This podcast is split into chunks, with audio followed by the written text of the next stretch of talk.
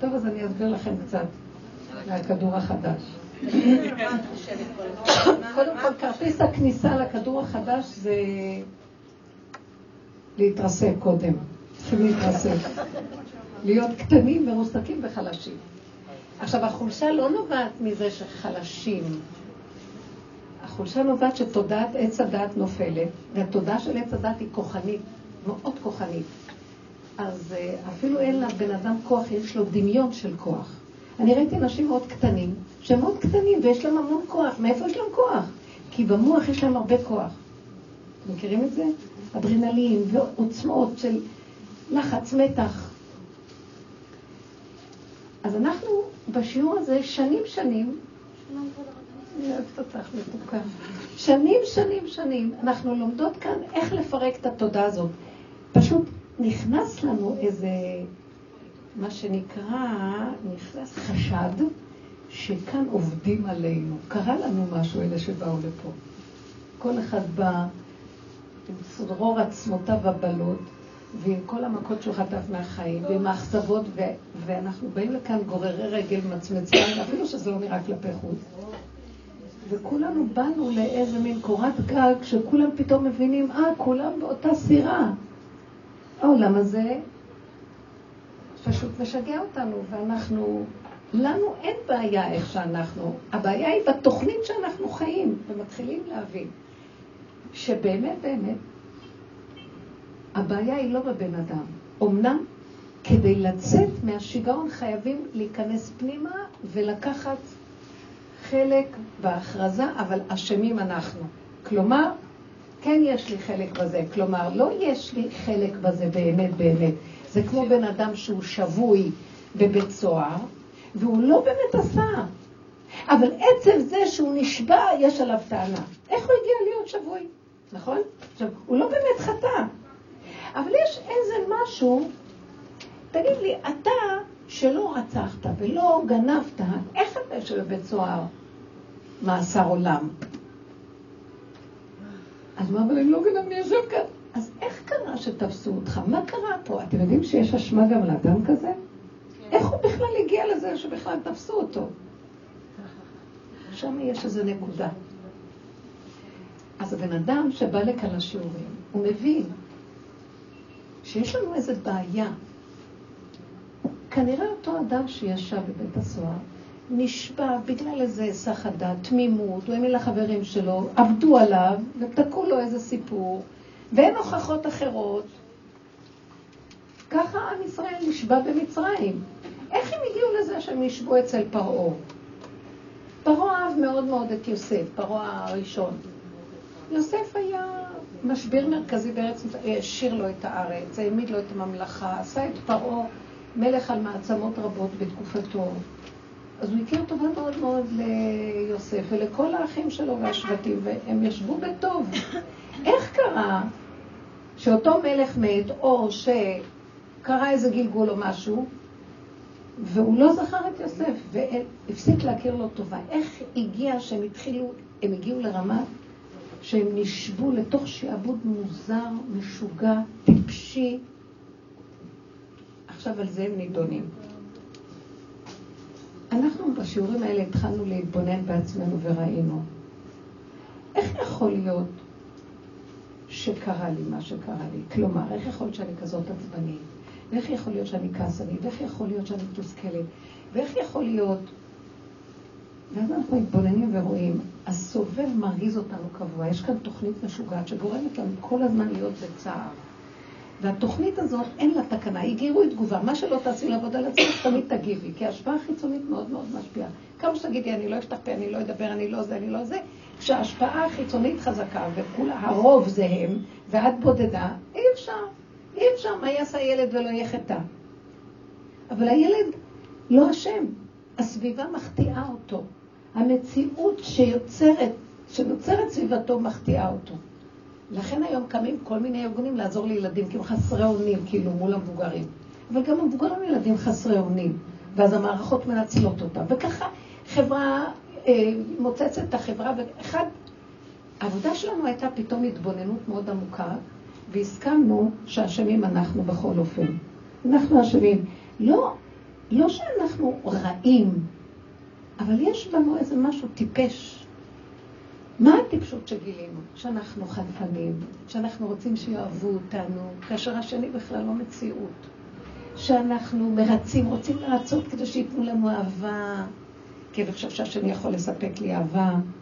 איבדנו את הקשר עם עמוד השדרה, אנרגיית החיים שמצויה בתוכנו, הכוח האלוקי ששוכן באדם, העצמאות האמיתית, הכבוד, כבוד האדם שזה השכינה ששורה בו. אתם יודעים מה זה האדם? נזר הבריאה, האדם הוא הנציג האלוקי בכדור הארץ. האדם, כל העליונים וכל התחתונים מקנאים בו, כל המלאכים וכל החיות והבהמות וכל העולם מקנא בו. למה? כי יש בו משהו שאין בלמעלה. הוא כלול מלמעלה ולמטה. אז בלמעלה אין למטה. אז חסר להם את החלק שיש לו. בלמטה יש, אין את הלמעלה ויש לו את החלק של הלמעלה. יש בו את הכל. הוא קופסה שהוא משכן פוטנציאלי מדהים להשראת שכינה, להשראת אור אלוקי, החוכמה העליונה. האדם הזה, מאחר והוא, אנחנו תולים את זה בחטא עץ הדת, שנכנס שם איזה גורם שהזיז אותו מנקודת החיבור האמיתית הזאת והשפריץ אותו לתוך דמיונות ולתוך חרדות ופחדים וריצויים ושקרים שמפעם לפעם לפעם התגלגלו ככדור של שלג והוא נשבע בתוכנית שאין לו מוצא ממנה. ועל זה אמרו חז"ל, אין האסיר מתיר עצמו מבית האסורים. הוא נשבע במצרים. אם לא היה בא הקדוש ברוך הוא ודולה אותם מה שנקרא גואל אותה ממצרים, עד היום היינו שבנים, אנו, בנינו, בני בנינו, כמו שאנחנו אומרים בהגדה של פסח. אז יצאנו ממצרים. אבל עם היציאה ממצרים, עדיין אנחנו נמצאים בתודעת הכדור הזה, בתודעת עץ הדת, רק מה יש לנו תכנים ושכל גבוה של תורה. אז יש לנו תורה, ואנחנו לומדים את התורה, היא משפיעה בדת. אבל מאוד מאוד קשה לחלחל אותה בבשר, במידות. אז היא נמצאת בדעת, ובאמת היא משפיעה עלינו ברמה מסוימת, אבל כשמגיע ניסיון ברמה מאוד מאוד חזקה, התוואים שלנו לא עומדים בזמן ההתנסות. ונראה שחלק אחד יודע, אבל החלק השני לא מבין שהוא יודע, לא מראה את התוצאה שהוא יודע. אז אנחנו עדיין משועבדים. נכון שיצאנו ממצרים, אבל עדיין אנחנו ככה. יש לנו שכל גבוה של תורה, אבל אנחנו משתמשים בתודעת עץ הדת עדיין. כלומר, אומות העולם, אני אמרתי את זה, אומות העולם שונאים את ישראל. למה הם שונאים את ישראל? כתוב שמאז שירדה תורה לסיני, בסיני ירדה שנאה לעולם. תגידו לי רגע, איזה אדם בר דעת, ועם האומות יש להם חוכמה בגויים תאמין, שמסתכל על התורה, שונא אותה. אפילו הגויים לקחו אותה כבסיס לדתות שלהם, כי הם הכירו בה כחוכמה, הנוצרים וגם המוסלמים. הם לא שונאים את התורה. יש קטרוג על היהודים, למה? כי אם יש להם שכל של תורה, שכל של עץ הדת, אבל במציאות אנחנו משתמשים עדיין בשכל של הטבע הרגיל. אנחנו לומדים תורה, אבל עם השכל הרגיל. אנחנו מנסים לקיים, אבל עדיין יש לו שכל. למשל, אנחנו יודעים שיש לנו ערכים יותר טובים, אבל אנחנו לא לוקחים את התורה ומפנימים אותה יותר עמוק למציאות שלנו, ואז אנחנו רואים את עצמנו שיש לנו שכל של תורה, אבל באמת, עדיין אנחנו לא לגמרי גאולים, כי יש לנו נטייה לכעס, יש לנו שנאה, יש לנו רצון בכל מיני... אה, אה, לרצות את השני, ואנחנו לא קשורים עם הכוח האלוקי באמת, כי אנחנו נותנים לבני אדם ממשות ודמיון, ואומרים שזה הם, ולא רואים שיש כוח שמנהל את הכל, וממנו הכל נעשה. כלומר, יש לנו שכל שיש השם והכל, אבל בפועל, הבן אדם השני הרגיז אותי, ואני כועסת עליו. או האומות רעים, אני שונא אותם. אנחנו מפגינים כלפי האומות כעס ושנאה גם. מתבדלים, ברור, אבל באמת, באמת, בגלל זה הם שונאים אותנו. למעשה היינו צריכים להבין שבכלל לא מציאות. הם לא קיימים בכלל. הם גויים כמר מדלי, או חשך כמו אוזניים נחשבו. אין להם בכלל מציאות. כשאני שונא אותם, אני נותן להם כוח, כאילו הם מציאות, רק הם לא מציאות טובה. בכלל, זאת אומרת, מה זה הם לא מציאות? אם היהודי היה מכיר את הערך של השכינה שבתוכו, הוא היה רואה שגם הוא לא מציאות. וגם הוא לא מציאות, ואין כאן שום מציאות בכלל. אז הוא היה נכנע בפנים, והיה מתחבר לכוח האלוקי, שזה השכינה, והשכינה הייתה נלחמת לו בחיים. ואז השכינה לא הייתה רבה, היא יודעת לעשות שלום. וגר זאב עם כבש בשכונה אחת. איך? כי באמת יש מי שמחבר את כולם, אבל אני כאדם לא יכול להתחבר.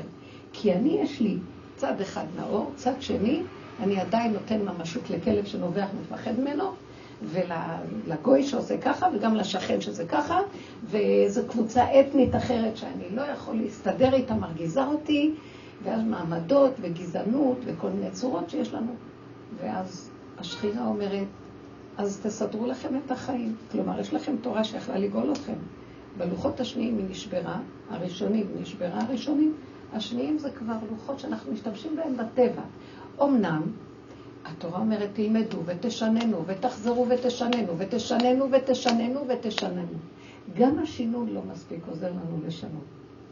כי כשזה היה כתוב על הלוחות, זה לא כמו חרוט על הלוחות. כתוב, אז כתוב. לא, אנחנו לומדים ולומדים ולומדים. ובאמת, אם אנחנו לא נחזיק את עצמנו מובדלים, בתוך השכונות שלנו, בתוך ההתנהגות שלנו, בתוך זה, ככה נצא החוצה, אנחנו כבר מושפעים מכולם. ואנחנו יכולים בקלות להיטמע בתוך חילונים ובתוך זה ולעשות בדיוק כמו אותם, מה ההבדל? לא קורים דברים כאלה. זה מראה על החולשה שלנו. זה מראה שהחלק שלנו העליון לא מספיק מחובר לחלק התחתון. ואנחנו עדיין בגלות. אז אם כן, צריך להתרסק כדי להגיע למקום שמה, מה זה ההתרסקות? להכיר שכל הצרות באות בגללי. לא שבאמת אני איכה, אבל יש לי איזו עננה חשוכה שלא נוגעת בנקודה האמיתית שלי. היא לא מכירה את הפגם שלי, לא מכירה שאנחנו, יש בתוכנו נקודה, זה לא השני. אם אני מתרגזת, השני עורר לי את הרוגז שלי. ואם אני קנאית, השני עורר לי את הקינה שכבר קיימת בתוכי. ואם אני חרדה, אז יש לי איזו חרדה ש... ואם אני מתחנפת ואני חלשת לב, זה בגלל שיש לי לב חלש, כי אני חושבת שהשני, הוא ייתן לי את החיים שלי, ואז כדאי לי אינטרסים לחשבונאות, להתחנף אליו, כי הוא ייתן לי משהו. אז זה גוף המראה לי שאני בעצם לא חי עד הסוף. יש לנו תורה שאומרת לא להחניף, ולא אה, לנקום, ולא לנטור, ולא לפחד, ולא לגנוב, ולא להכחיש. אבל אנחנו יפה משננים ויודעים. ורגע אחד אני מקבלת זה טיפת כבוד, ישר גנבת הישות העצמית, זה מגיע לי ואני משהו, ורגע לקחו לי את הכבוד, אני כועס על כולם ומקנא למה לא קיבלו נתן כבוד ולי לא, הלוא לי מגיע יותר, וכן הלאה חשבונאות. אז אני לא מממשת את מה שאני יודעת בפועל במעשיות. כל זה אנחנו מתבוננים פה בשיעורים.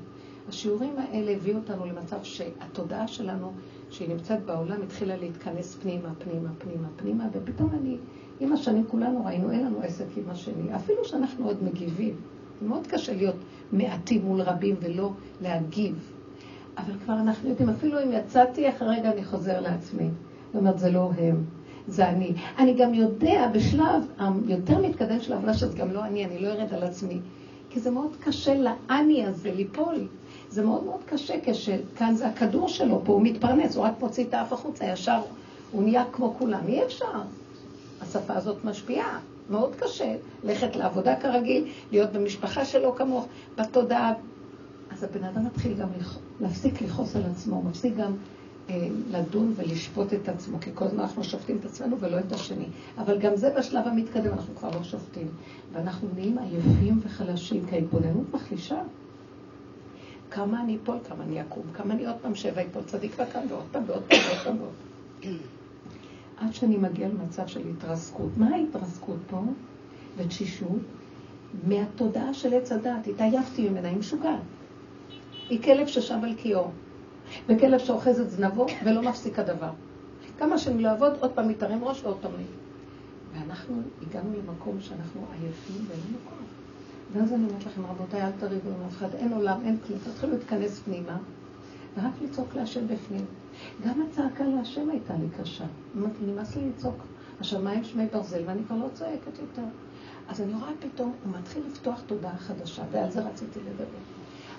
התשישות והעייפות וההתכנסות פנימה עושה משהו מאוד מעניין. זה כבר לא המוח שמדבר, זה לא המוח שעובד. גם העבודה נגמרת. אין לי כוח לעבוד, כי אני תשושה לתת עבודה פנימית.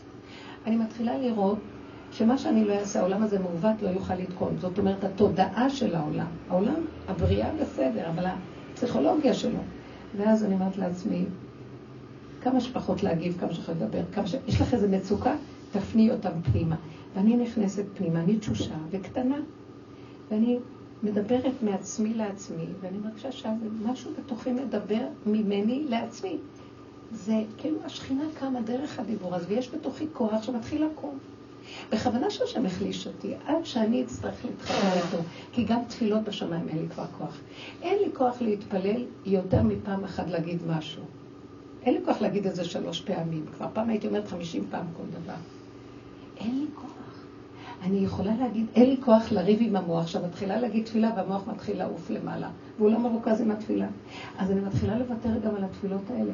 אני מתחילה להתפלל בהתרכזות פנימה, כמה מילים, ואני אומרת לו, אז אני רוצה להיות מרוכזת בכמה מילים, אני אגיד קריאת שמע, אני אגיד את ברכות, אני אגיד דברים קטנים שאני יודעת שאני לא אעוף. ואם אני עפה, אני מדברת איתו, ריבונו שלום, כמה אני אלחם עם המוח הזה?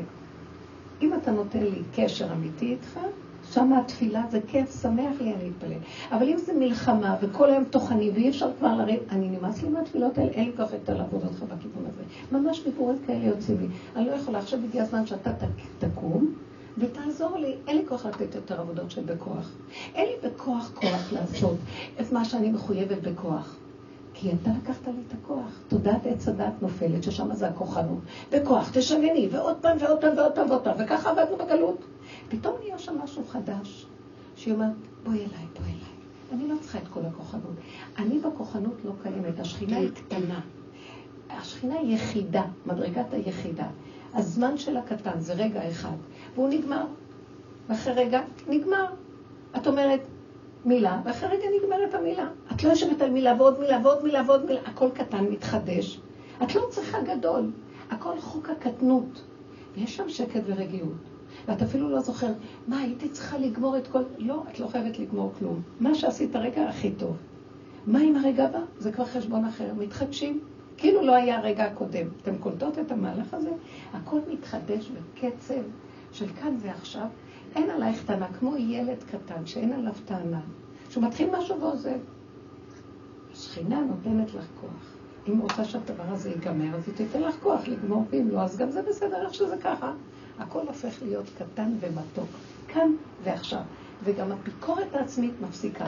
והילד מקבל את עצמו איכשהו, ראיתם ילד שמבקר את עצמו? נהיה שקט ושלווה פנימית. במקום הזה מתחיל להתגלות כוח חדש. כאילו את נכנסת פנימה, והשכינה יוצאת החוצה. זה כמו המזוזה בחוץ, ששומרת על האדם שיושב בפנים. והיא מחברת אותך עם העולם, כי אני אמרתי, אז אני אתנתק מהעולם? לא, את לא מתנתקת. היא מחברת אותך, והכל מדויק, ואת לא צריכה לחשוב עצות וגחמות וכל מיני דברים, איך להצליח ואיך... לא צריך כלום, הכל נעשה מאליו וזה מתוק. זה עכשיו אור חדש שמתחיל לרדת, הוא מדויק, הוא קטן, הוא מגיע עד אלייך, ואת לא צריכה יותר מזה, והוא מתחדש. זה בסדר גמור, אין עלייך טענה. את לא יכולה גם לעשות עבירה, כי כל רגע זה נחתך, בגלל שזה קטן. אני, אני אמרתי איזה משהו למישהי שהייתה לידי. ואז זה לא היה בדיוק אמת. אמרתי לה אפילו איזה חצי, מין שקר כזה. ואחרי רגע אני אומרת לעצמי, אז למה את אומרת את זה? אז פתאום התשובה הייתה, כי כרגע היא הייתה צריכה לקבל איזה ממני מחמאה. כי ראיתי אותה נפולה, ואז ראיתי שבאמת הרגע הזה, שקצת, מה שאומרים חז"ל, מדרכי שלום שיניתי, זה היה האמת הכי גדולה שהייתי צריכה להגיד. אז אם כן, זה לא היה שקר.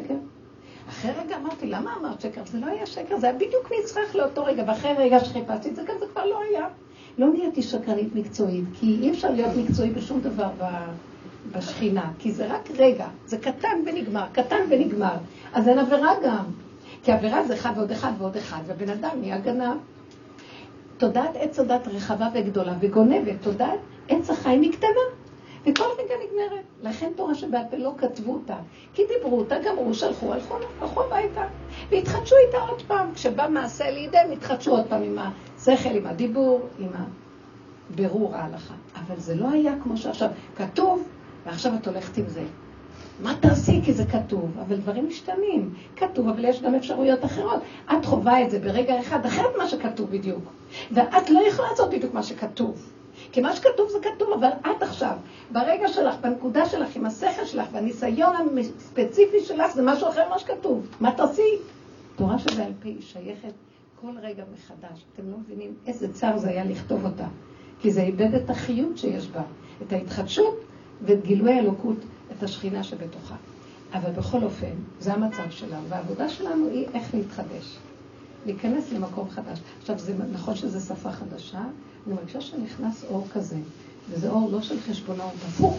השם עשה את האדם ישר, והמוח הזה של עץ הדת מבקש חשבונות רבים. מתחיל ליפול, כוח עץ הדת נופל. אז הדבר הראשון שהבן אדם חווה זה חולשה, חלישות. כמו שכתוב בסיפורים של רבי נחמן, שהבת מלך ברחה מהחיצים שירו עליה, ובסוף היא נפלה חלשות, עד שמשהו עטף אותה.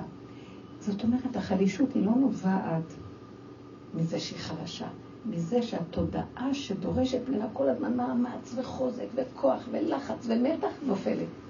אז היא בממדים הנכונים שלה, קטנה. ולצורך רגע ששולחים לה סיבה מהשכינה, היא מקבלת כוח לאותו רגע, כאילו היא לא הייתה חלשה.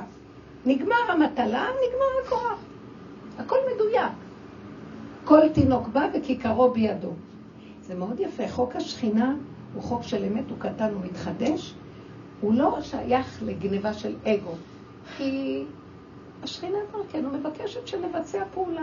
אנחנו הידיים הרגליים שלה. מה זה קשור עכשיו לגנוב ולחשוב שזה אני? אדם לא מרגיש תחושה עצמית. עצמיות זה גניבה של פסיכולוגיה של ישות ודמיון, שאני, קוראים לי זה וזה, ואני בת זה וזה, ועשיתי כך וכך בעולם. אין רקורד כזה. אתם לא שמות, שמות לב שאנחנו מאבדים את הזיכרון. הרבה נשים אומרות לי, אין לי זיכרון, אני לא זוכרת איפה שמתי, אני לא זוכרת. כי בתודעה של עץ החיים הקטנה, לא צריך רקורד של זיכרונות. זה מתחדש כל רגע. נקודת הזיכרון היא מהבשר. וזה בסדר גמור. אני אמרתי, אתם רואים את הטבעת הזאת? אני מאוד אהבתי אותה, קיבלתי אותה מתנה מהמשפחה. אז אני מאוד אוהבת אותה. אבל עכשיו אני מורידה אותה, אני בדרך כלל לא הלכתי עם טבעות, כי בגלל הנטילת ידיים. אז uh, אני מורידה אותה ליטול ידיים. ואני לא זוכרת איפה שמתי אותה. והיה לי כבר כמה פעמים שאני לא זכרתי, ובסוף השם ריחם עליי והוא מצא לי אותה.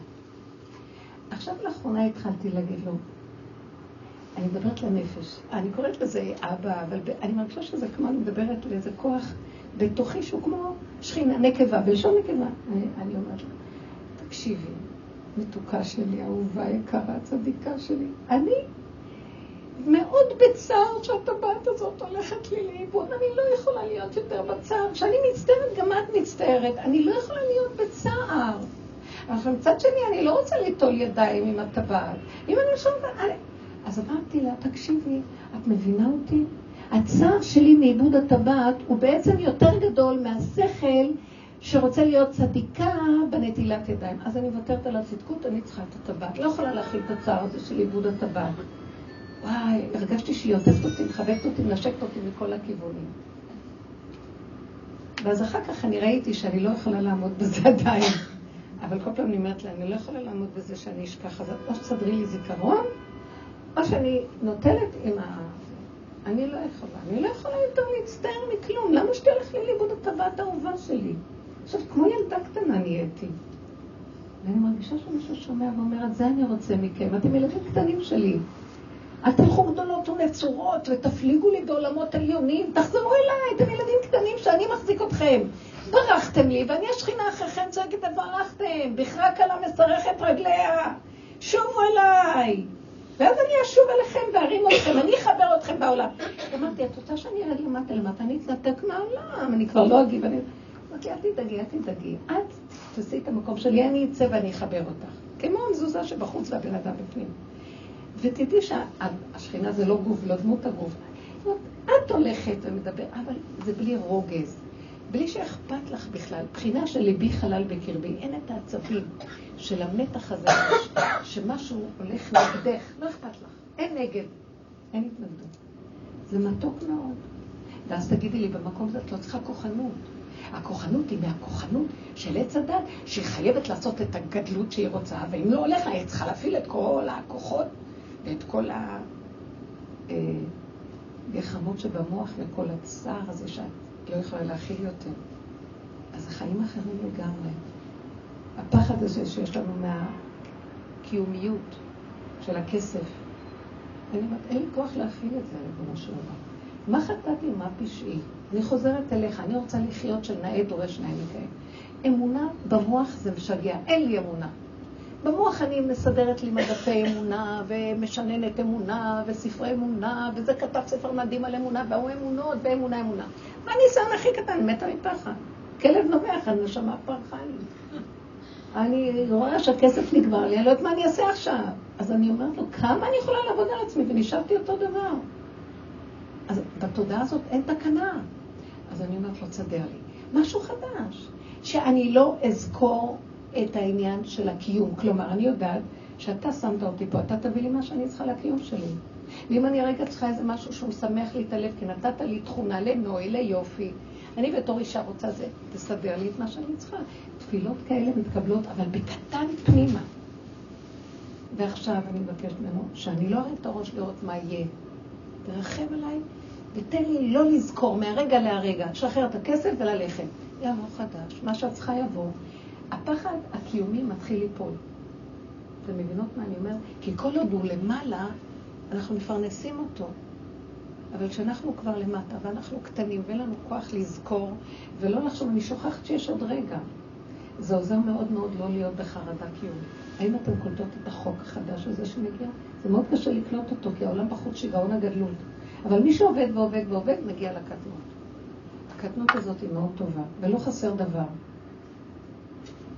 אני פוגשת מישהי, היא מדברת, מדברת, אני לפעמים אומרת, אני לא יכולה להכיל.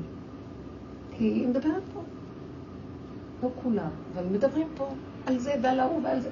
מה קשור אליי ההוא וההוא וההוא? אני עכשיו חיה את הנשימה שלי עם עצמי כרגע, מה זה קשור עכשיו? למה אני צריכה לשמוע על ההוא שהוא ככה והאיש היא ככה וזה שעשה ככה? מה? אבל זה שיח השיג של העולם. הכל פה, בדעת והבנות והשגות וידיעות ועל אנשים, וזה העולם, ככה העולם עובד. במקום החדש אין מקום כזה. חבל לנו על הכוחות להכיל שקים של מידע שאין בהם שום צורך. למה? מי צריך את כל הידע הזה גם? למה אנחנו צריכים את כל הידע ביהדות? מי צריך את זה? אני רוצה רגע מה זה נותן? חוץ מתחושה של גדלות וחשיבות, מה זה נותן? האימהות שלנו לא ידעו הרבה דברים. האמונה הפשוטה של החיבור של אותו רגע, הדעת, אני אגיד לכם את האמת, החוכמה האמיתית באה מלמטה. רגע אחד, את יכולה לקבל כזה חוכמה שחמישה ספרים שקראת לא, לא יכילו את החוכמה שקיבלת לרגע, אם אתם יודעות את זה. מדהים, לא חסר דבר. את מסתכלת על העולם, את רואה ישר, זה טיפש, זה שותה. לא בגלל שאת מבקרת את העולם, העולם טוחן ריק. המון ידע, המון דת, המון בלה בלה בלה, הוא העניינים. בשביל מה? מה זה חשוב לי לשמוע שההוא זה וזה עשה ככה וזה אמר ככה וזה דיבר ככה? מה נותן לי כל הידע הזה? זה אחיזת עיניים, ויש בזה עומס מותרות. עכשיו אנחנו נתחיל להתכנס למהלך חדש. העולם, אני רואה אותו עם התודעה החדשה, לך עמי בו בחבריך. לא נרצה לדעת יותר מדי, לא נרצה להכיר יותר מדי, לא נרצה להיות, להיחשף, כי זה מחייב אותנו, החשיפה הזאת. הקטנות מביאה אותך למקום שאת לא יכולה להכיל יותר מפסיק. כל טיפה שיותר מביא לך מצוקה. ואת לא יכולה לתת לעצמך להיות במצוקה, השכינה לא מרשה. עוז וחדווה במקומו, אסור שתהיי במצוקה. זה חוק אמיתי, יפה, קטן, כאן ועכשיו ביחידה שלך. התכלית של הקיום שלנו, גן עדן עלי אדמות. ואנחנו לא טיפשים בכלל, ולא מנותקים. יש כוח שמחבר, ואת לא יודעת איך. כמו שפעם היה, פעם הם, התורה שבעל פה שידעו פעם ושיננו הרבה יותר ברמה מכל הספרים שיש היום. אתם בכלל לא יכולות להבין מה שהיה פעם. תקופת התנאים שלא כתבו בכלל, או לפני. זה לא נורמלי. טוב, אז עכשיו אתם תשאלו. אמרתם שאני אדבר, אני הזהרתי אתכם. עכשיו, בשביל העניין הזה, מה זה העניין של ההתרסקות? התכוונתי לומר, צריך לצנוח למצב שאת לא, לא מוכנה יותר שתהיי בצער.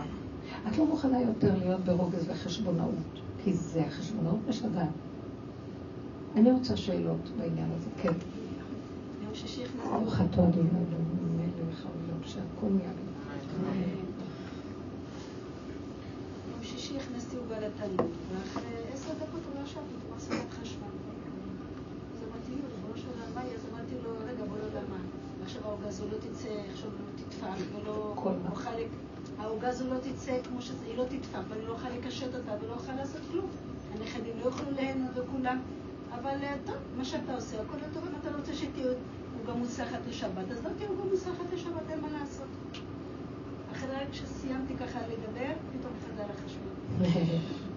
כשאת מגיעה למצב שאת מבטלת, ואת כאילו אומרת שזה זה המצב, זה הנתון, זה מה יש, ואין מה לעשות. לא מוכנים להיות במצוקה. לא שווה שהילדים יאכלו ויהנו ואני אהיה במצוקה, אז לא. קודם כל אני. אני הילדה הכי קטנה פה, מה זאת אומרת? אני עושה בשביל כולם, ומה איתי? קבלו את טלי בתשואות סוערות. מגיע, באמת מגיע.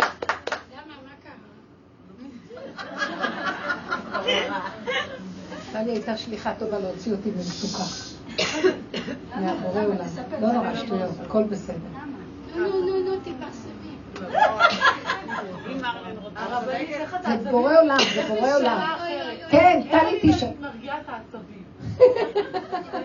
רגע, יש לך רגע עצבני. מתכנסת בתוך עצמי. משהו מעצבן אני מתעצבנת. אני בדיוק עכשיו דיברנו על העניין של הקטנות, שנכנס חוק הקטנות, זה בשבילך טלי הגדולה. חכי, סבלנות. אבל מעצבנים אותי, זה לא שאני מתעצבנת. מעצבנים אותך, מעוררים לך את העצבים שנמצאים בפנים במילא, מראים לך את המוגבלות שלך שקיימת ואת חשבת שהיא לא. כולנו, כשאנחנו מגיבים לזה שמרגיז, אני והוא אותו דבר. אם הוא כזה כסיל מרגיז אותי, החכמה, אז ככה אנחנו נראים. ואנחנו, וואי, באמת, אני אגיד לכם, אני לא אספר פרטים, לא כלום. הייתה לי כל כך מתוקה. והיה לי איזו סיטואציה לא, לא פשוטה. וכל כך התגלגלנו ברגע, זה אותו חומר. והתגלגלנו, אז היא אומרת לי, מה נגיד, כך או כך או כך, ואז אני בכלל לא חשבתי שניכנס לניסיון הזה בכלל. ואז נכנסתי למצוקה והתחלתי להתוודד, אני לא יודעת מה להגיד, נמאס לי. והיא אומרת לי, גם לי נמאס, ושתינו כמו ילדות קטנות. והיא אומרת לי, תגידי לי מה להגיד, אני לא יודעת מה להגיד. המצב הזה הביא אותי לתת רמה. הרגשתי שאני עוד רגע, אני, את, מדברת על העצבים שיש לך, ואני הרגשתי עוד רגע, אני אה, מאבדת את השכל מרוב תסכול על איזה ש... משהו שהוא טיפשי שלא נגמר. ועשתה לי עם כל הגדות וזה. עכשיו, היא צריכה לייצג אותי במשהו, אז היא צריכה... אז אני, מה אני אגיד לו? מה אני אגיד לו? מה אני אגיד? מה? ושתינו הסתכלנו, אני ראיתי, פתאום, אני ראיתי מה קרה פה, אני לא יודעת אם שמת לב. ואני לא ידעתי מה לעשות, ולרגע אמרתי, אני עוד מעט ירום גם את טלי, אני לא יכולה לסבול אף אחד. כי אם מסכנה עמד את זה, ואני אומרת לה, מה, את לא תפתרי לי את הבעיה, אני יכולה לפתור לעצמי, אז מי יפתור לי את הבעיה? את הלא המקצועית, מה את רוצה שאני אעשה? ולרגע, אני בשיא התסכול, בגבוליות שלא יכולה להכיל את העולם הזה והשטויות פה, כי באמת הכל היה כל כך סתם טיפשי. פתאום טלי אמרה איזה משהו שהזכיר לי, כאילו היא אומרת, אני אם כן, הולכת עם הפגם שלי. אני הולכת עם הפגם שלי, היא אמרה מילה אחרת. פתאום חזרה לי השפיות. אני מול העולם הולכת עם הפגם. אני לא רוצה להיות צדיקה, אני הולכת עם הפגם. במילים אחרות. פתאום חזרה לי השפיות, על החיים נהיו ורודות, נרגע לי השיגעון, ועמדתי ואמרתי, כן, העולם משוגע, בוא נהיה משוגעים מולו. דומה בדומה. מה אנחנו רוצים לרצות, לעשות שהעולם זה, ואנחנו נלחצים מהעולם, מי הם בכלל כולם? ופתאום ראיתי איך שהשם, אני הייתי על הגבוליות, כמעט השתגעתי, הגבוליות הזאת גילתה שכינה, נתנה לטלי איזה מחשבה מה להגיד, ואחר כך היא הלכה למחרת והיה לה ההצלחה הכי גדולה בעולם. לא, הנקודה היה להודות שאנחנו לא יכולים, גבוליים, לא יכולים, לא יכולים, זה עולם משוגע כאן, לא יכולים כבר יותר להכיל אותו, מה אתה משגע אותנו, מה אתה רוצה? נקודה של אמת שלא יכולה. עכשיו, בדרך הטבע רוצים עוד להסתדר עם העולם ולהסביר להם שאנחנו לא כאלה וכן כאלה. עכשיו, זה שהרגיז אותם, ואין לך את כל העצבים, הוא לא בסדר, כמובן. כי זה לא פייר לעורר אצל השני עצבים. אבל העצבים נמצאים אצלי. ברגע שאני נעצרת, אומרת, אני חשבתי שאני, איך אני מגיעה למקום, אתם יודעים מה עבר עליי? כמעט השתגעתי. שאני רואה שהדבר הזה לא מפסיק, ואני לא יוצאת מהדבר הזה, וזה כבר הרבה זמן דברים שמסתובבים, ואני אומרת, מה אתה רוצה ממני בעולם? אני הולכת להשתגע מהעולם הזה, מה שאני לא עושה, כלום לא עובר. מה תפסת אותי? והגבוליות שהרגשתי שאני עומדת מול בעולם ולא רוצה יותר לחיות פה, כי זה גבולי, שלא יכולה להכיל את התוכנית הזאת, עוררה את הנקודה של הישועה. מה הייתה הישועה פה? ההכרה של הגבוליות. אני לא יכול, לא רוצה להיות יכול. מתאבד, לא, לא, לא שווה לי לחיות פה, לא שווה כלום. אני אעמוד מול העולם, איך אמרה אסתר? כאשר עבדתי, עבדתי. ככה הלכנו. ולא מתוך ייאוש. זה לא היה ייאוש, זה היה מין מקום של בית משוגעים פה. אי אפשר לחיות פה. עכשיו, הם עוררים לך את הרוגז שקיים אצלך, מי שהרגיז אותך. הרוגז הזה מראה לי שמה שאני לא עושה לתקן, הרוגז קם. כשמרגיזים אותו ונוגעים בו. אי אפשר לחיות בעולם הזה, כל הזמן נוגעים בך, כמה שאת לא עושה עבודות, יוצא עוד פעם הפגם. אני לא יכולה להיות פה, הפגם שלי יציל אותי. הוא יגיד לי, את פה ויותר לא. אם לא, את משתגעת והולכת מהעולם. אז אני מודה בפגם, לא יכולה יותר לחיות פה. ירגיזו אותי, אני אתרגז, לא רוצה יותר לחיות מול האנשים. אז אני לא אומרת את זה לאנשים, אני אומרת את זה לבור עולם. תוציא אותי מהתוכנה הזאת, מהאכפתיות הזאת, תוציא אותי מהחרדה הזאת, תוציא אותי מהכעס על השני, או מהכעס על עצמי, למה אני כזאת. ריבונו של עולם, תכניס אותי לחוק חדש, והחוק החדש הוא זה מה שדיברנו לפני שבא. ליבי חלל בקרבי, אין לי כוח לעולם. נמאס לי מהעולם, לא רוצה להיות בעולם. לא רוצה. אם ילדים מרגיזו אותי, לא רוצה לטפל בהם. לא רוצה. אני אמרתי לכם פעם אחת, לא רוצים שלום, לא כועסת עליכם, לא כלום. אני רוצה, אני ילדה של עצמי. אני לא רוצה להיות אימא גדולה, אימא מחנכת, אימא שדואגת, שיש לה, שיש לה אחריות על הילדים. אין לי כוח להיות אחראית. אני אחראית כשהשכינה מרשה לי ונותנת לי את הכל בקלי קלות. דלת נפתחת, אני נכנסת, יוצא, זה נכנס, זה הכל בסדר. אני מול הקיר, וכלום לא עוזר לי, לא מוכנה יותר למות על אף אחד. אני לא אמית את השכינה, האנרגיה האלוקית שבתוכי, ואגיע לחרדות פחדים בשביל איזה עולם דבילי. גם לא ערכים הכי נעלים, גם לא תורה, כי אם באמת בתורה יש את השם, שיפרגן לי. לי מים קרים, אמרה לי, תראי, זה התשובה שלה בדרך הטבע. אבל זה לא, אין לזה פתרון כלום. עוד רגע יבוא עוד משהו. תשמעי, מרוב שעובדים את, על המידות והכל, אני הרגשתי רגיעות, שם. בסדר, אין לך ילדים קטנים שמרגיזים אותך. לא, הגדולים יותר גרוע. הגדולים יותר אבל, אז זה בדיוק מה שנעשה. בוא ניכנס פנימה, בוא ניכנס פנימה ונוותר טלי. תוותרי על הרצון שהם יהיו מושלמים. תכירי את הפגם. אני לא יכולה להכיל. תוכנית משוגעת של גדלות, יש לך ראש גדול, ואת אישה גדולה וחשובה וצדיקה, ורוצה את הילדים הכי בטוב. וזה לא ילך ככה, שהשם יקום וידאג לילדים שלו. אני מושיטה יד ורגל. אני אומרת לשכינה, אני אימא ויש לי תפקיד. את נותנת לי את החיות לתפקיד בתנאי שהדלתות פתוחות. ללכת לשבור את הראש, בגלות עשינו את זה. לקחנו את, את הכל, אימא יהודייה והכל. אבל גם תדעו לכם, בגלות היה רחמים ופתחו לנו שערים בשמיים. היום נסגרו השמיים, נסגרו החלונות, נסגרו החרכים. והקשיים כל כך גדולים, והישות נהייתה יותר גדולה של אני יכול ואני יכול ואני כל יכול, והפער ביניהם משגע את הבני אדם, חללים חללים, אנשים נופלים חולים. והילדים גם כן לא יכולים לסבול, אמהות צועקות, אמהות, אין להם חיים, קמות בבוקר לבית משוגעים, חוזרות מהעבודה, בית משוגעים, הרבס מתקשרים, המורות מתקשרים, אי אפשר לסבול את החיים. למורות אין חיים, לרבס אין חיים, לילדים אין חיים, להורים אין חיים, אין חיים לאף אחד. עכשיו תגידו לי, מי קבע שככה צריכים ללמוד תורה? איזה יפה פעם למדו תורה. האימהות שלנו, הן היו כל כך רגועות. איזה, אבל תגידו, הכניסו את הילדים, פעם אמרו, זה כזה, זה כזה, זה לא ייכנס, כן ייכנס. לא מבחנים ולא שום דבר, רבה אחד עם כל מיני גדלים וכל מיני צורות. משננים, שרים, התורה, אה, אה, אה, הם העיבו עליהם את התורה, היה כיף. התורה בעצמה היא מוציאה נופת, צוף, מתיקות, שאף אחד לא רוצה לעזוב אותה. ולילדים היה חיים טובים. ופתאום מה שקורה פה, הכניס אותם לכיתות, נהיה להם מפקחים, נהיה להם מבחנים, נהיה להם לחצים, נהיה להם רמות, נהיה להם הישגיות, נהיה להם כמה אני אשיג, איפה כתוב בתורה שאתה צריך להשיג כמה? אתה, מוטל עליך ללמוד תורה. ואסור לך להתבטל ממנה, אבל אתה לא צריך להשיג ולהשיג ולהשיג, מאיפה נהיה הדבר הזה? קנאת סופרים, קנאת סופרים, קנאת הדמיונות שלך. כולם מקנאים אחד בשני, וקנאת תשמרהו הפכה להיות חולי בנפש כבר. אז תקשיבו, זה לא נורמלי. ואנחנו האימהות גם פתיות, זה אמרתי לפני שבאת, שלא הייתה טענה לעם ישראל, כי אדם שבוי יכול להתיר את עצמו בית האסורים, הוא לא גנב, לא רצח, שם אותו בבית סוהר. אז איך הוא הגיע לבית סוהר? הטענה איך הוא בכלל הצליח להגיע לבית סוהר בכלל. הוא גרם לעצמו טיפש. למה אנחנו מגיעים למצב הזה? כי אנחנו גורמים לעצמנו, כי אנחנו... כן, השם רוצה שאני אהיה אימא נהדרת, השם לא רוצה שתהיי אימא כזאת. השם רוצה שתמליכי אותו, תגלי את השכינה שבתוכך, היא תלך, היא תרוץ בשבילך בעולמות, ועד אלייך הכל יגיע בכבוד, וילד יהיה בסדר, והתורה תהיה בסדר, והכל יהיה בסדר. יש כללים וחוקים, אתה לא יכול בהפקרות. זה מה שקרה בעולם. פרעה רוצה לשבות אותנו, ועם זקן עד הרגליים וכובע עד השמיים, ועם צווארון לבן ושחור לבן, ואומר לנו, לא, אתה חייב לשים לב לכללים. הכללים האלה לא מה שהיה פעם בלימוד התורה. סליחה, זה הפך להיות שמשרד החינוך נותן תקציבים, אז המפקחים לוחצים, ואז המורים לוחצים, והמנהלים נלחצים, ואלה נלחצים. וסליחה, מה נהיה שם לכל הבלאגן שלכם? חוץ מזה, ההורים משלמים המון כסף, מה שפעם לא שילמו לתלמוד התורה. דאגו לתת את השכר למלמד. כבר זה נהיה בית משוגעים. אז גם משלמים, גם יש להם תקציבים, הם רוצים ממסדים, הם רוצים לשלם על המבנים. תסלח לי, אני, יש בתי כנסת ריקים, שהילדים ילכו ללמוד שם. בתי כנסת שהם צריכים אותם למנחה ערבית ואיזה שיעור בלילה. שחרית.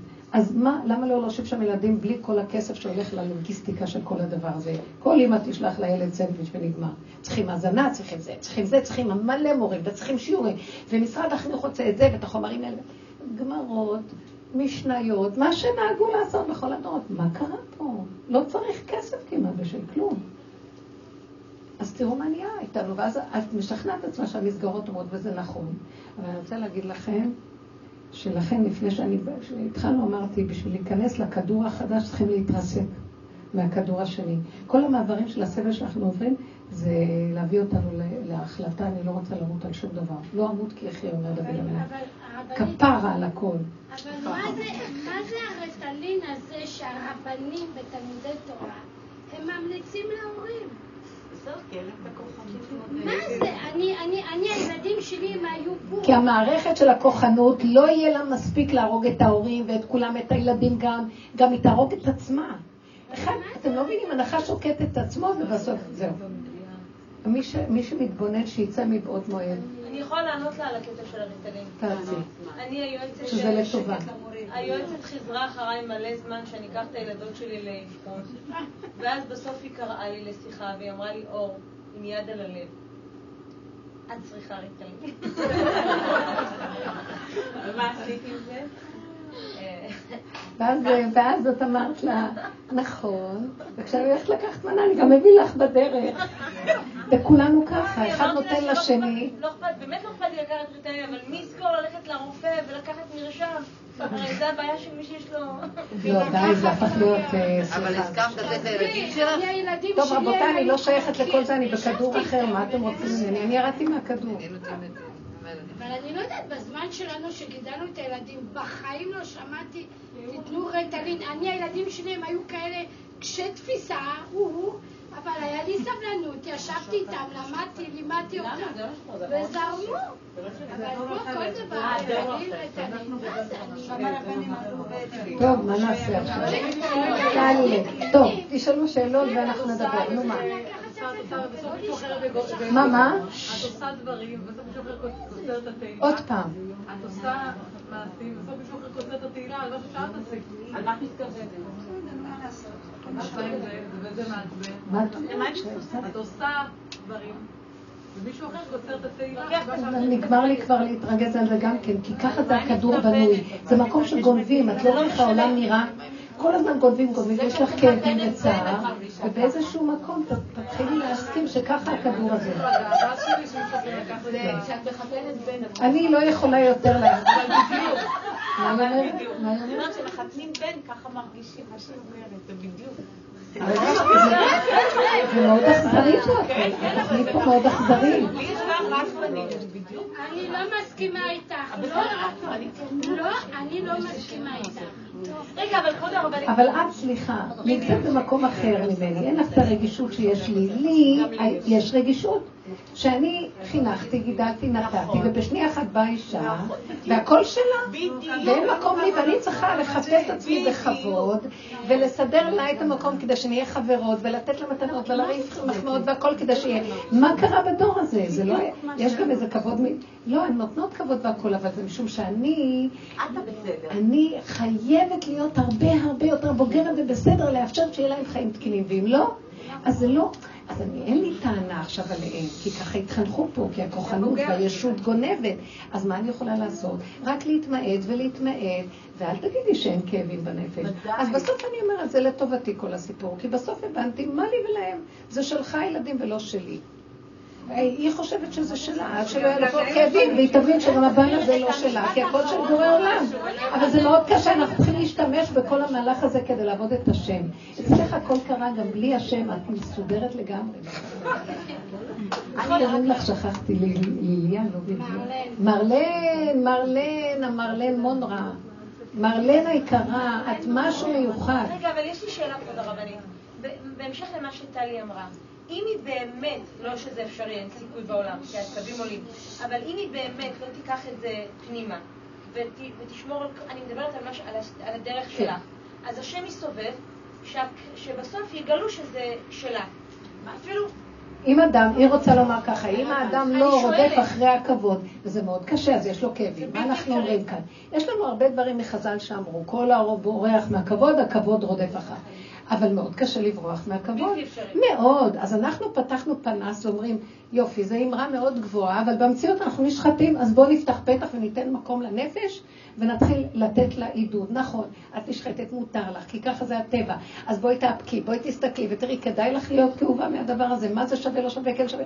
ומה שאנחנו לא עובדים, וכמה עבודה עשיתי כבר, תששו כוחותיי, מישהו עשה משהו ואני הרמתי ראש וכואב לי.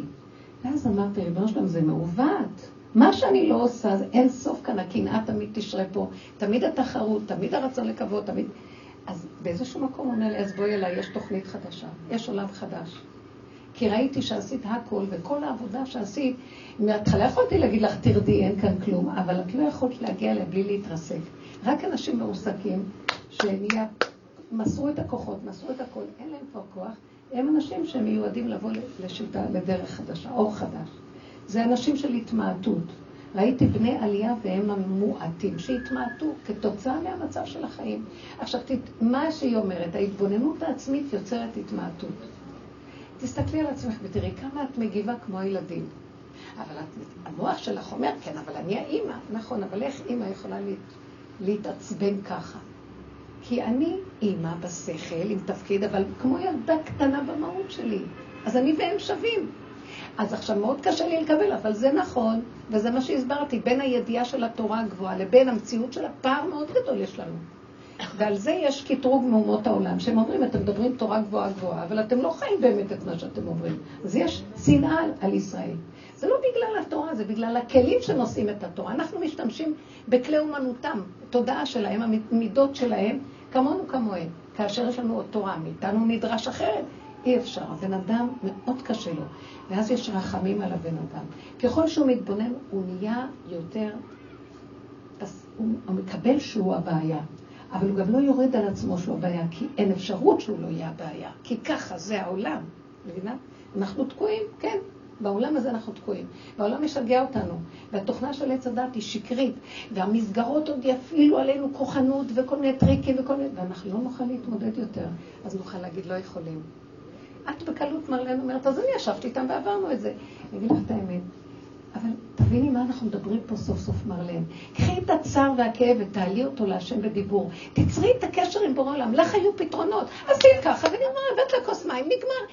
הפשטות הזאת, אבל אני אגיד לך, הבן אדם צריך לשחוט נקודה, זה כמו העלאת קורבן. כדי להתקרב להשם. מה זה קורבן? התקרבות. את, את לא נותנת כאן את ההתקרבות. את ישר מביאה איזו עצה פשוטה מהמהות הפשוטה. היא יפה, אבל חסר לה את העומק של החיבור. רק בני אדם מייסורים יכולים להתחבר לבורא עולם. למה עם ישראל עבר כל כך הרבה שעבוד מלכויות, גלויות, אינקוויזיציה, שואה, פוגרומים, מה לא? מהייסורים. מזה אנחנו מתקרבים, מזה אנחנו יכולים, שהשכינה אומרת חייבים לרחם על אלה. די, נוציא אותם מהאסורים. את מוצאת פתרון קל. לא, את צריכה לנגוע בנקודה של הכאב, וזה מה שעשינו בשיעורים פה. כן פתחנו את הכאבים, כן ראינו, כן הסתכלנו על עצמנו, נשרפנו, קמנו, הלכנו, נפלנו עוד פעם, עוד פעם, עוד פעם. עד שאמרתי, אני לא יכול יותר. אתה יודע מה בורא עולם? קח את היהדות שלך, אני כבר לא יכולה יותר, לא יכולה גלות, לא יכולה יהדות, לא יכולה סבל, לא יכולה ייסורים. כשבני אדם יקומו ויגידו לבורא עולם, לא יכול יותר לחיות עם התורה שלך ככה, אז תניח לי. חפש מישהו אחר שיגדל את הילדים האלה עם תורה, כמו שאתה רוצה. אני מוכנה לגדל אותם שהדלתות פתוחות, שיש לי מתיקות, שיש לי ערבות, שהולך בקלות ושמח לי, שהם אוהבים את התורה, ואני אוהבת אותך, ואני אוהבת אותם, וכולם שמחים, יש תחת גפנו ותנתו. ואז לא הצער הנורא הזה, למה לא קמים ואומרים? אלא המוח הזה יגיד, בואו נעשה עוד משהו, בואו נראה שאנחנו כן יכולים, בואו אה, כן נסכים למסגרות. נפרק את המדינה, נפרק את המסגרות. מי שאומר אני לא יכול, נפרק. תגיד, תגידו מה שקורה עכשיו במדינה. אני בדרכים רואה את ה... זה לא משוגע, שלא מזמן יצאנו מבחירות, נחזור לבחירות, יצא משוגע שם, שהוא פשוט רואים שהוא משוגע. והכל כאן משוגע, ואת אומרת, תגידו, זה הזוי? מה, אני האזרח הצחוק שלהם? הם לא מתביישים לקרקס אותי, כל אלה נבחרי העמי, את מי בחרתי? אין את מי לבחור. לא רוצה ללכת לבחירות יותר, לא רוצה מדינה, לא רוצה ממשלה, לא רוצה חיים כאלה. אם היינו קמים ככה וצועקים, משהו היה משתנה פה. אבל אנחנו כמו טיפשים, כי לא נוגעים בנקודת הפגם, לא מחפשים פתרונות לכסות ולסדר. הנה כוס מים, הנה זה, בוא נמשיך הלאה. לא, לא. הבן אדם תופס את הכאב שלו, נשחט על הכאבים. אני באותו רגע שדיברתי איתי אז, טלי, הרגשתי שאני פשוט נשחטת. ועמדתי מול בורא עולם ואמרתי לו, אני אשתגע פה. ריבונו של עולם, כל כך הרבה אני נמנעת שלא ללכת עם הדין, אה, היה כאן איזה סיפור, והוא בא מכל הכיוונים להרגיז אותי, מה שלא רצה ניתן לו, והוא דווקא יעמוד, אז אני לא יודעת כבר מה יותר צריך. אני לא רוצה לתבוע בני אדם. לא, זה היה איזה משהו אחר. אני לא רוצה. שיקחו לי, שיעשו הכול. אני לא אלך לקראת רגע. אתה מחפש אותי בכוח, או שאני אשתגע או שאני יוצאת מהעולם. לא רוצה יותר להישאר פה. זה דבר אחד, אני לא רוצה להשתגע. היה לי איזה רגע שאמרתי, אתה לא תשגע אותי, אני לא רוצה יותר. אתה מנסה אותי עד שאני אומר לך, אני לא רוצה לחפש פראייר אחר. אתם יודעים איזה חוזק זה? זה לא כפירה בתורה, זה לא כפירה בחיים, זה כפירה בשיגעון שיש בחיים שאנחנו מסכימים לו. אתם לא מבינים איזה דקות של ניתוח ו... ואת זה הוא מחכה מזמן כבר לשמוע מאיתנו. הוא רוצה לקרוא אותנו כל כך הרבה זמן, אבל אנחנו סבילים לכל השטויות. והטיפשות שיש כאן, הכסילות של איך שהמדינה הזאת חיה. גם עולם התורה. זה משוגע מה שקורה במסגרות. מה זאת אומרת לא יקבלו את זה, לא יקבלו את זה, כן יקבלו את זה, פעם אסור למישהו לא לקבל, זה ספרדי, זה אשכנזי. מי שרצה ללמוד תורה, הדלתות פתוחות. אני מנסה להכניס איזה ילד לתלמוד תורה, כזה ילד מתוק. הוא לא התקבל כי הוא לא... כי אבא שלו ספרדי, אמא שלו אשכנזי, כולה אומרת שאני לבנה כולי, תראי. העיניים כחולות, הילד טחול כולו תכלת. מה הדבר הטיפשי הזה מצליח הכל בגלל השם של המשפחה? אמרתי, אני הולכת להשתגע, מה? עד כדי כך ישתגעו? וככה כל העולם, ואז זה יחניף לזה וזה יביא לזה, ואז המכסות האלה של שניים כנגד אחד, תביאו כמה אשכנזים, אז יכניס לכם, זה שני... זה הפך להיות משוגע. בשביל כבוד התורה, זה כבר לא כבוד התורה, זה שיגעון, זה בית משוגעים, זה זלזול בתורה. זה זילות ביהדות ובתורה. לא יכולים יותר לסבול את זה. אז אני מסתכלת ואומרת, ריבונו של עולם. אני לא... אז תילחמי עוד פה. חבל לכם על הכוחות. אל תילחמו, אל תילחמי על הילדים. הם מרגיזים אותך? תקשיבי לי טוב. אז תעצרי ככה ותגידי, תראו ילדים יקרים, אני פה לעזור לכם. אתם לא מקשיבים כי אתם הולכים בראש שלכם, אני גם לא יכולה, זה הגבול שלי, זה הגדר שלי. אם היית אוהבת את עצמך, את השכינה שלך, והיית רואה כמה כל הגוף רועד לך, והחולשה כבר לא מחזיקה אותך, בגלל דרדקים טיפשים, ילדים שהם ממש, הם מקבלים הכל מההורים, כלום הם לא מוכנים לתת מעצמם, וגם יכתיבו לך איך יראו החיים. אני אומרת לכם, זה כבר עבר כל גבול שההורה פשוט טיפש. ואותו דבר המסגרות. כסילות, מורות קטנות כסילות, רבנים, סליחה, אין להם רחמנות, הם השתגעו, והמטלטלים את ההורים, כאילו ההורים הם, מי הם בכלל? סליחה, ההורה? אתה מקבל משכורת בזכות זה שאני ילדתי את ההורה ואני גידלתי אותו, ולך יש משכורת מהילד הזה, אתה לא מכבד אותי. אני סיבה לך לפרנסה. אתם יודעים שאין כאן כבוד? מה זה הדבר הזה? תפסו ראש בעננים. אז הכל ככה נראה. אז זה בגלל שאנחנו נותנים, ובאיזשהו מקום אנחנו צריכים לחזור אחורה, גאוות יחידה. תיכנסו ליחידה שלכם, לשכינה שלתוככם. השכינה צועקת, רמסו אותי. זה צער גלות השכינה. עכשיו לא עוד. טיפה שיש מצוקה, אני לא מוכנה. טיפה שיש מצוקה, אני לא מוכנה. לא מוכנה. עכשיו יש לי, עשו שיפוץ בבית, נכון? אז באים הנכדים. קודם כל, אני דבר ראשון זרקתי את כל המכוניות. כי הם עושים, הם נכנסים בקירות, יש להם כל הפרוזדורים, אז הם, הם נהנים, אבל הבית נחרד לי. עכשיו, עכשיו יש את אז הם, אה, זה, אז אני צועקת, אל תיגעו לי בקיר פה! הקיר חדש! אה, עכשיו, הם יושבים על איזה ספה שהם כבר, אה, משהו שכבר עוד, ספה חדשה. אז תראו, אמרתי להם, תרדו מהספה! פעם הייתי מדברת אליהם ככה, עכשיו כולם מסתכלים על האימא, מה קרה לה? אני אומרת להם, אני רוצה, ש... אני, אני, אני רוצה בית יפה לעצמי. אמא, כמו ילדה קטנה מפגרת, לא אכפת לי. אז אני אומרת להם, מה קרה לכם? מה אתם חושבים, שאני חיה רק בשבילכם? גם אני רוצה קצת לחיות. פתאום הם מסתכלים עליי, כן? יש לי אימא גם זכות. עכשיו, הם נהנים מהדיבור שלי, כי אני לא אומרת את זה ברוגז, בצחוק כזה אמיתי. סליחה? אני, אני אוהבת נוי, ועכשיו אני נתתי לכם את הבית, או הרסתם, נכון? עכשיו מה? עכשיו רק שיפצנו, אתם לא מבינים? מה, מה, מה? ואז הילדות, הילדות מסתכלות עליי, והילדים מסתכלים עליי. ואז הילד אומר, טוב, אחרי רגע, הולך, כתב פרחים לידה, שאני גידלתי והשקיתי בפרחים. טוב, עכשיו תקחי פרח, הוא אומר לי. טוב, אבל הם מתחילים להבין, אמרתי להם, תקשיבו, אני גם כמו ילדה קטנה, אני מראה להם את הילדה הקטנה שבי. אני מרשה לעצמי להיות קטנה שוטה, והם אוהבים אותי עוד יותר ממה שהיה פעם. ואני אומרת להם את האמת, אתם לא מבינים שיש בי ילדה קטנה שרוצה גם לחיות? הרגע הזה של נוי הוא יפה לי, למה להרוס? אני אומרת להם, אתה הולך עם כל הכיף שלך, אבל מה איתי? אז הם נזהרים. אני, אני מדברת כבר בפשטות כזאת, והילדים מסתכלים. וזה יפה, נהייתי קטנה, ואז הם יותר אוהבים אותי ויותר מעריכים. כי אני אומרת להם את האמת. אתם מבינים מה אני אומרת? אז הקטנה לוקחת מנה אחרונה. היא הולכת לשבת בספה, אמרתי לה, מה, את לא יושבת המנה האחרונה? הם הסתכלו עליי בכלל. נחמד. והדבר הכי נפלא שהיה לי זה שלא אכפת לי מהם שיחשוב שאני קוקוריקה. אתם יודעים איזה חירות זאת? כן, אני קוקוריקו, כן. כן, כן, אתם חושבים שאתם בסדר? אתם השתגעתם. אני אוהבת אתכם, הכל בסדר, נותנת משהו, אבל יש דבר שאני רוצה שאתם תכניסו את הילדים לגבול, גדר ומידה. לי נמאס לעשות את זה. הם, הם מקבלים את זה מאוד יפה. ופתאום את קלטתי אומרת, את צודקת, גם לי הם הרסו כבר את הבית. מה זה שהילדים השתלטו על הכל? חמודים. ילדים מתוקים, צריך לעשות להם גבול. מה פירוש שהם יעציבו אותך? עכשיו, אנחנו אוהבים אותם, והם יודעים את זה. אבל עכשיו, מטלות. גבוליות. תתעקשי. אתם מבינים מה קרה לנו? הסכמנו למסגרות, הסכמנו להכל, הסכמנו, הסכמנו. ביחידה, הילדה הקטנה קמה, ולא אכפת לה, היא גם רוצה קצת לעצמה. קמתי בבוקר, אז עשיתי לי קפה בשבת. והם רק, אמרתי לכם, הם רק שומעים שאני קמה. כולם קמו. הם קמו עוד קודם, אבל הם... משקים. עכשיו, האימהות עוד ישנות, האבות הלכו לבית הכנסת. אני, אני קמה, ואני הולכת לעשות... עכשיו, אני מפחדת שאני אלך לעשות קפה, כולם יעוטו עליי. זה הפוש! אני צריך זה, אני צריך זה, תעשי לי שבוע, אני צריך זה, אני צריך זה.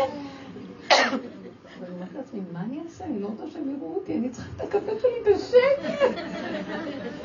ואז הייתי קוזה כל מיני טריקים שאני אקום מוקדם ואני אביא את הקפה לחדר. פתאום אמרתי, לא, אני קמה. עכשיו רואים אותי, ככה חגיגה. מלא, חבר'ה. חבר'ה, קודם כל אני שותה קפה, זהו. אז הם ככה מסתכלים. הם עומדים מאחורה. אני אומרת להם, אני שותה עכשיו קפה, ואני צריכה את הנדנדה, ואני צריכה כמה דקות לעצמי. שמעתם? תמשיכו לשחק בשקט. אני בחיים לא הייתי עושה את זה. נחמד, אבל לא, לא משום, זה כזה פשוט, שאני קולטת שגם גם זה מחנך אותם שאנחנו גם צריכים לעצמנו משהו. זה יפה. לא, אני לא באה עכשיו לתת חינוך, אני רוצה שיתחברו ליסוד של השכינה, שצריכה לעצמה גם. והם מאוד מבינים את זה, הם מאוד מבינים. אפילו אחד בא והביא לי את הכפית, וזה עזר לי לקחת את זה למרפסת. זה מאוד יפה, הם עזרו לי. הם אולי הדרך הזאת היא טבועה בילדים. השכינה, ולא דרך הטבע. אני רוצה להגיד לכם, אנחנו פשוט... למה אני צריכה יותר מדי להתחשב כל כך הרבה אני קונה לה קלות למה אני צריכה... תמיד עשיתי את זה מתוך אהבה ורצון לקרב. פתאום אמרתי, זה הגדלות שלי. שיקרבו אותי קצת. זה הפך להיות, ביחידה מתחיל להיות הפוך. אני קודם, ושייתנו לי ושיקרבו אותי. ויש רגעים שכמובן אני שמחה לעשות, יש להם לתת, אבל יש משהו שמלווה, שאם משהו מציק לי ואני בגבוליות, לא ללכת על הגדלות, לדרוך על זה, על עצמי, ולא. בזה דווקא מרלן בסדר. אני אומרת את זה לטלי, יודעת מה אני מדברת. לתפוס את הנקודה שאת לא מעריכה מספיק. תרדי לקטנות שלך, והם צריכים לראות שאת קטנה ולא יכולה, ואת גבולית, והם יכבדו את זה. תוציאו את הגבוליות, תוציאו את הקטנות, גם מול הרבס, גם מול כולם. תענו להם באמת פשוטה. אנחנו לא יכולים להכיל את כל הגזרות האלה. אין לנו כוח. אנחנו גם בני אדם ורוצים לחיות. מה פירוש? אתם מעמיסים, מעמיסים, מעמיסים. לא יכולים יותר. שיעורי בית לא בא בחשבון. כן, לא בא בחשבון, תעמדו על כך. לא בא בחשבון. מה זאת אומרת? אם יש להם המון שעות בבית הספר, שיגמרו שם את הכל ויבואו הביתה קצת למנוחת הנפש. תוציא את זה בוואטסאפ. לא, לא, אל תסכימו, אל תסכימו ותצפצפו ואל תסכימו ואל תפחדו, תראו שתקום שכינה ותעזור לכם, והם יפחדו מכם, הם יכבדו אתכם. כן.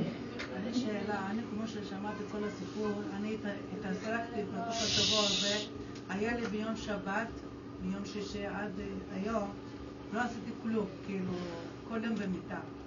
ממש ממש הגעתי בסופי, כמו שאת אומרת, תשישות. לקחתי כל אני כאילו, אני, אני כועסת זה, זה, אני זה, אני אמרתי לילדים, אני כבר לא אימא שלכם כמו שהייתי פעם, לא אישה הייתי כמו שפעם, לא בת כמו שהייתי פעם לאימא שלי. כן, כן, כן, כן, משהו קורה, משהו קורה. בשבת הלכתי לים. כמו שאת אומרת, ממש ממש הגעתי לסוף, לסוף, עד כאן. אמרתי את זה לקדוש ברוך הוא, אה, אתה עוזר לי, או אני לא יודע מה אני אעשה עם עצמי. הלכתי כל יום לזה, חשבתי, לי, הוא מראה לי כל הדרך, זה נכון. איזה יופי. כן, יש משהו שהשכינה צועקת. ממש ממש דברים במקום, כמו שאת אומרת, קמתי, הכנתי לעצמי, אכלתי קצת, שתיתי קצת ושכבתי ועשיתי קצת דברים זה קטנים קצת לבית ושכבתי. הקדוש ברוך הוא זה כל כך בא במקומות הנכונות מעלה, כי אני פה, רק תפתחי בידיים ותצעקי עליי. אני איתך תמיד, השכינה זה ממש, ראית את זה מולי. היא מאוד קרובה אלינו והיא מהבשר. ואני ראיתי שדבר מאוד יפה, השכינה היא קטנה והחוק שלה קטן. אם את הולכת איתה בקטנות, היא תעזור לך, היא תשלים את החסר. אני, אני ראיתי, אני יכולה לעשות קצת סדר, הבית עוד נמצא במצב מאוד לא פשוט, חוטים וכל מיני דברים שלא גמרו. ולי מאוד קשה, כי האסתטיקה, את רוצה כבר במחי יד לעשות הכל ולגמור, לקחת מישהו, לגמור וגמר. לא הולך לי כלום. כאילו קולי לא נשמע. ואז אני אומרת לעצמי, אז תעשי מה שאת יכולה. ואז אני רואה דבר מאוד מעניין. בגדלות שרציתי קודם, בשיטה של השכל לגמור, בכוחנות, לסדר, לא הולך. אז אני רואה, אני מזמינה לשבתות אנשים, ואנשים שבאים, מעניין מאוד, אבל יש ניילונים על הדלתות שקנינו, הדלתות חדשות, ואין לי כוח לתלוש את הניילון הזה, כבר לא נראה טוב, אין לי כוח לתלוש את הניילון. אני רואה שהילדים כמו גמדים קטנים באים, תולשים את הניילונים. עכשיו, באים הבנות, המבוגרות יותר, זה באים, אז הן מסדרות את המיטות ואת הכריות, והם עשו סדר בכל הערימות של הדברים שאין לי כוח לגשת ולעשות שום דבר, אין לקח לי את הכוחות. אה, אני רואה שהבנים באים, הם שמים את המסמרים ואת הכל, מסדרים במגירות. אני רואה שבשבתות, שהוא אומר לי, את זה שיהיה לך כוח להזמין ולהכין שבת. גם בזה אין כוח מינימום, אבל זה מאוד יפה. ואז אני רואה שהוא גם דרכם מביא את הישועה לשאר הדברים. אז אני בסוף, במוצאי שבת, אני רואה, וואי, הבית מסודר במוצאי שבת. הבית מסודר בעצם. זה סידר את זה, זה, את זה, זה קנה פתאום איזה משהו לחסות איזה דבר, זה סידר איזה חשמל פה. פתאום אני מסתכלת ואני אומרת, זה לא כמו שהיה פעם, במחי יד וגמרנו, הדברים מסודרים, את לא צריכה להגיד להם כלום, כי הם מבריחים, אין להם זמן, לא, הם באים, וכל אחד עושה משהו קטן, ובקטנה דברים נעשים והכל... החוק הוא שונה לגמרי. אה, אני... באיזשהו מקום אני אומרת לעצמי, טוב, עכשיו תגמרי את זה, פתאום הוא אומר לי, לא, אין לי כוח גם לשטוף. עשיתי טיטיטי. פעם אני גם לשטוף, גם עושה, גם זה, גם... ואז אני עוזבת את הדלי ככה, ויכול להיות שלושה ימים ככה עומד. הוא אומר לי, תשאירי, זה רק במוח שלך הלחץ. אבל אני ראיתי מישהו אחר הזיז את זה לפינה אחרת, אז לא הייתי אני. מה אכפת לי? שמתם לב מה אני אומרת? נמאס לי מהכפייתיות, זה הכל עבודה. נמאס לי מהכפייתיות. זה צריך להיות ככה, והאישה לקחה על עצמה הרבה. היא אוהבת שיהיה מסודר, היא אוהבת שיהיה זה, היא אוהבת שזה, והיא נהייתה שעבודית, משועבדת לכל מה שהיא אוהבת. אבל אין לה כוחות. באמת, באמת, בקטנות הזאת, פתאום אני רואה, לא, אין לי כוחות לזה ואין לי כוחות לזה. זה לא שאין כוחות, משהו במוח אומר לי, לא, לא להשקיע את זה. קטן, בנקודה, תעשי הפסקה באמצע, תקחי משהו לעצמך, תגמרי את הדבר, שגם אחרים יתלו חלק.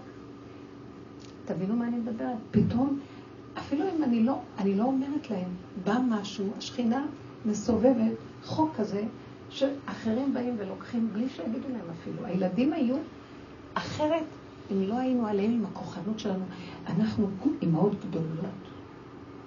ההורים הם יותר מדי כל יכול. בגלל זה הילדים הם מצוקות, בגלל זה המסגרות עלינו, כי מנסים אותנו, בדרך שאדם רוצה ללך מנסים אותו, אנחנו יותר מדי גדולים. אתם מבינים מה אני מדברת?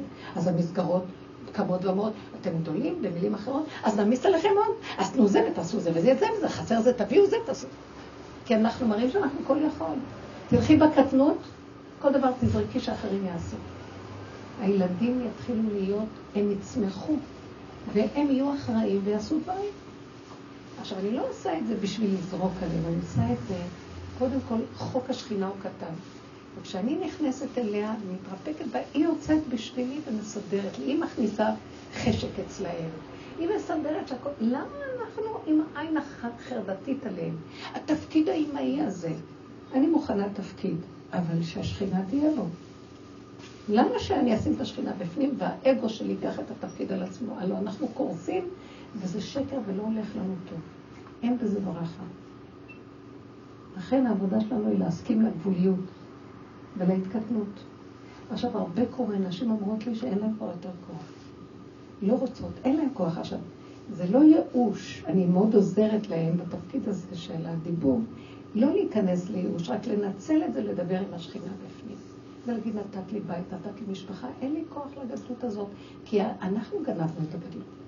באמת, בקלות שיכולים לעזור לנו, ודברים יעשו מעליהם. אתם יודעים שבמילא השם ברא שהעולם פועל, שהשם עושה, רק לנו נדמה שזה אנחנו עושים.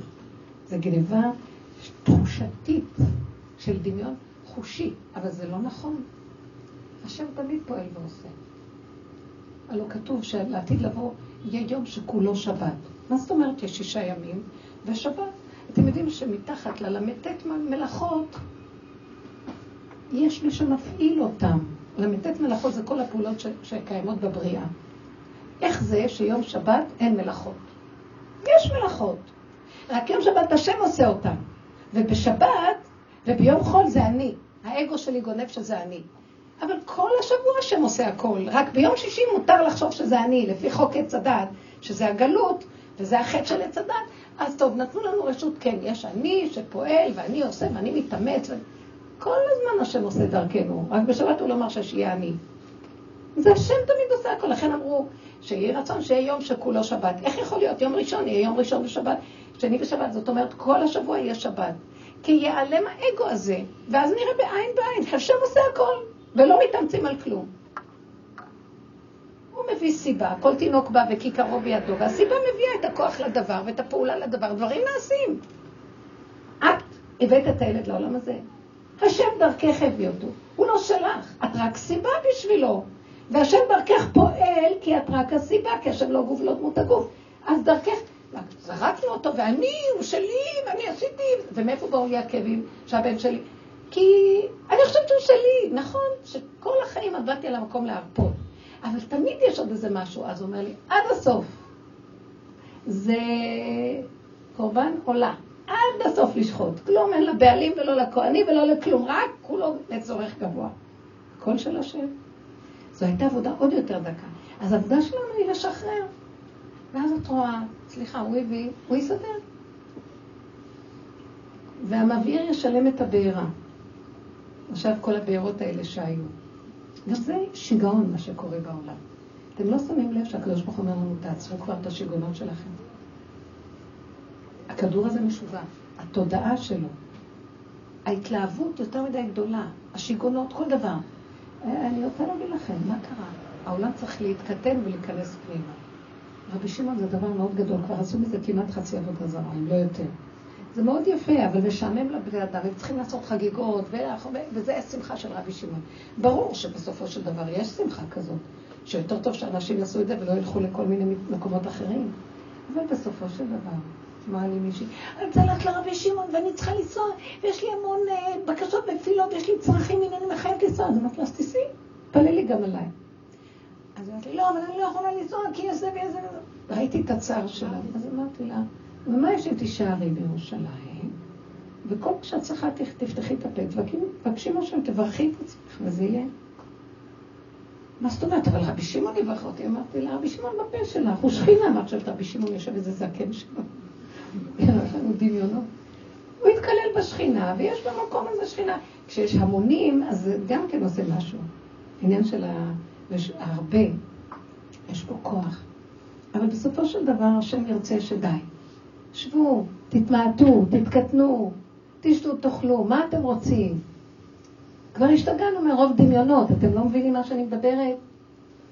בסדר, אפשר ללכת, לשים תפילה, לעשות נקודה, השתגעו, שיגעונות. אז כל ההתלהבות הזאת, גם יש בה של... זה גם כן, השם זה, זה שורף, אנחנו עוברים את הגבול שלנו, שרפנו את עצמנו גם. אתם מבינים מה אני אומרת? לא מבינים? מבינים.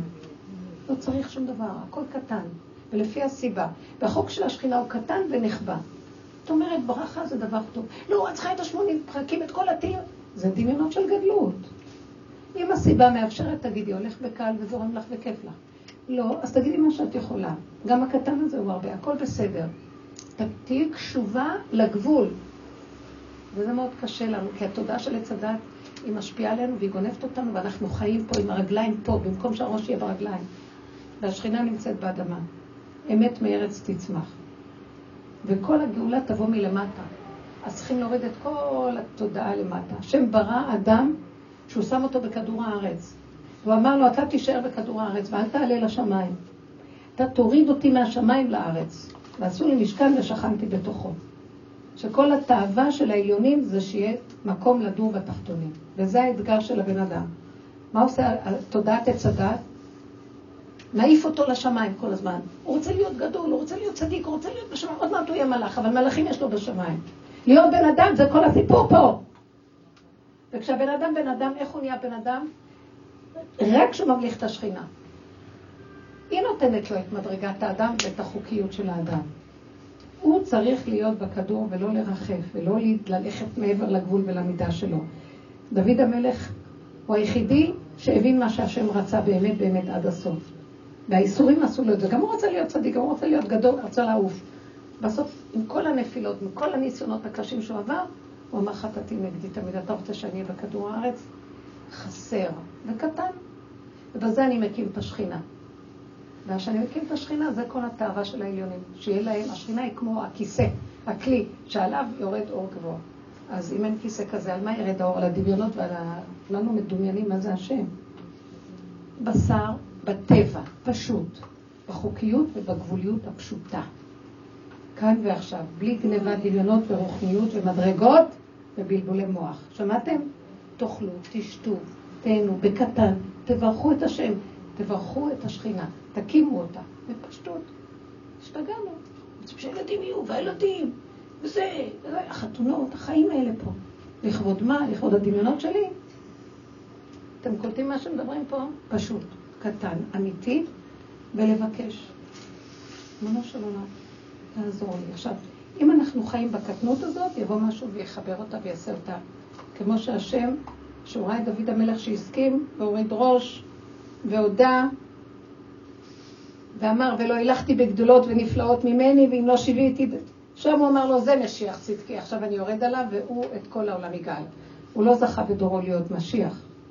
אבל שלמה המלך היה דוגמה כזאת. איזה כבוד היה לו, איזה חוכמה, איזה מלכות. ככה יהיה משיח, ועוד יותר. אז צריך uh, להבין, צריך מישהו שייתן את ה... מה, מה שהם רוצים מאיתנו. הוא שם אותנו להיות בני אדם, רבותיי, אנחנו לא מצליחים להגיע למדרגת אדם. אתם לא מבינים? זה כל החטא של האדם. מלאכים או ייאוש. ייאוש, טוב, מופקרים. או נהיה מלאכים בשמיים, במדרגות הגבוהות. לא זה ולא זה. להיות בן אדם, זו מדרגה מאוד גבוהה. בן אדם, רק השכינה יכולה לתת את המדרגה הזאת. הכל בגבול של הטבע, הנכון, במידה. מה שהתורה רצתה מאיתנו באמת. התורה היא השכינה. פה, בעולם. מה, נהיינו רוחניים, נהיינו, מה זה, מלאי אה, פרומקייט כזה, פרומר, שיגעונות, משמעים לגויים, דמיונות, בשביל מדרגות. מה יש לך מדרגות? לא רוצה מדרגות. אני לא רוצה מדרגות, אני רוצה קטן ומתוק כאן ועכשיו. ושמחת הלב. ומי שאני אפגוש, אני אוהבת אותו, אני לא אשנא אף אחד. ואני לא אריב עם אף אחד, ולא אכעס על אף אחד, והכל בסדר. שכינה פשוטה שחיה טוב בעולם הזה. אתם יודעים אחד כזה? השם רואה אותו, אומר, פה אני רוצה לשכון, פה אני רוצה לשכון. זה, מקדש מעט. איפה אנחנו רצים? השתגענו. דמיונות. כל אחד רוצה לכתוב, כל אחד רוצה להגיד, כל אחד לדבר. זה הכל גניבה של אגו, סליחה. כמה שהוא ירצה להיות לכבוד השם זה נגנב. הקטן הפשוט, בגבוליות הנכונה, כאן ועכשיו. ולהודות להשם. מי שיהיה בקטנות הזאת, משיח יבוא ראשון אליו. זה הכלי שמכיל אלוקות. וזה אנחנו דיברנו, מתחיל לרדת חוק כזה עכשיו. לכן מביא אותנו לתשישות ותסכול. לא רוצים יותר להיות אימהות גדולות, לא רוצים להיות אישה שכל יכול, לא רוצה להיות יותר כזה תלמיד חכם, לא רוצה זה, לא רוצה, לא רוצה, סגרו את ה... להיות אמיתי כאן ועכשיו ופשוט שמח לו וטוב לו ומודה לשכינה כל הזמן, אין דבר יותר גדול מזה. נקים את השכינה, השכינה מסדרת לו את החיים. הכל טוב. ולא, הוא לא מתנתק מהעולם, הוא לא נהיה פטי וטיפש, ויש לו שכל שיכול להיכנס בכמה ספרים, והכל בסדר, לא חסר דבר. הבנתם מתוקות? אז תיכנסו פנימה, תרצו את המקום הזה, אל תתפתו לה, להתערבב עם העולם המשוגע, כי המטרה שלו לבלוע אותנו חיים ולהרוג אותנו שם. או שניפול בייאוש, או שאומר לנו, תהיו רוחניים, לכו לאומן, לכו לזה, תעשו זה, תשתגעו. מה יש להשתגע על כל הדברים האלה? זה דמיונות, כל דמיונות. תודה רבה. תודה רבה רבה. יישר כוח.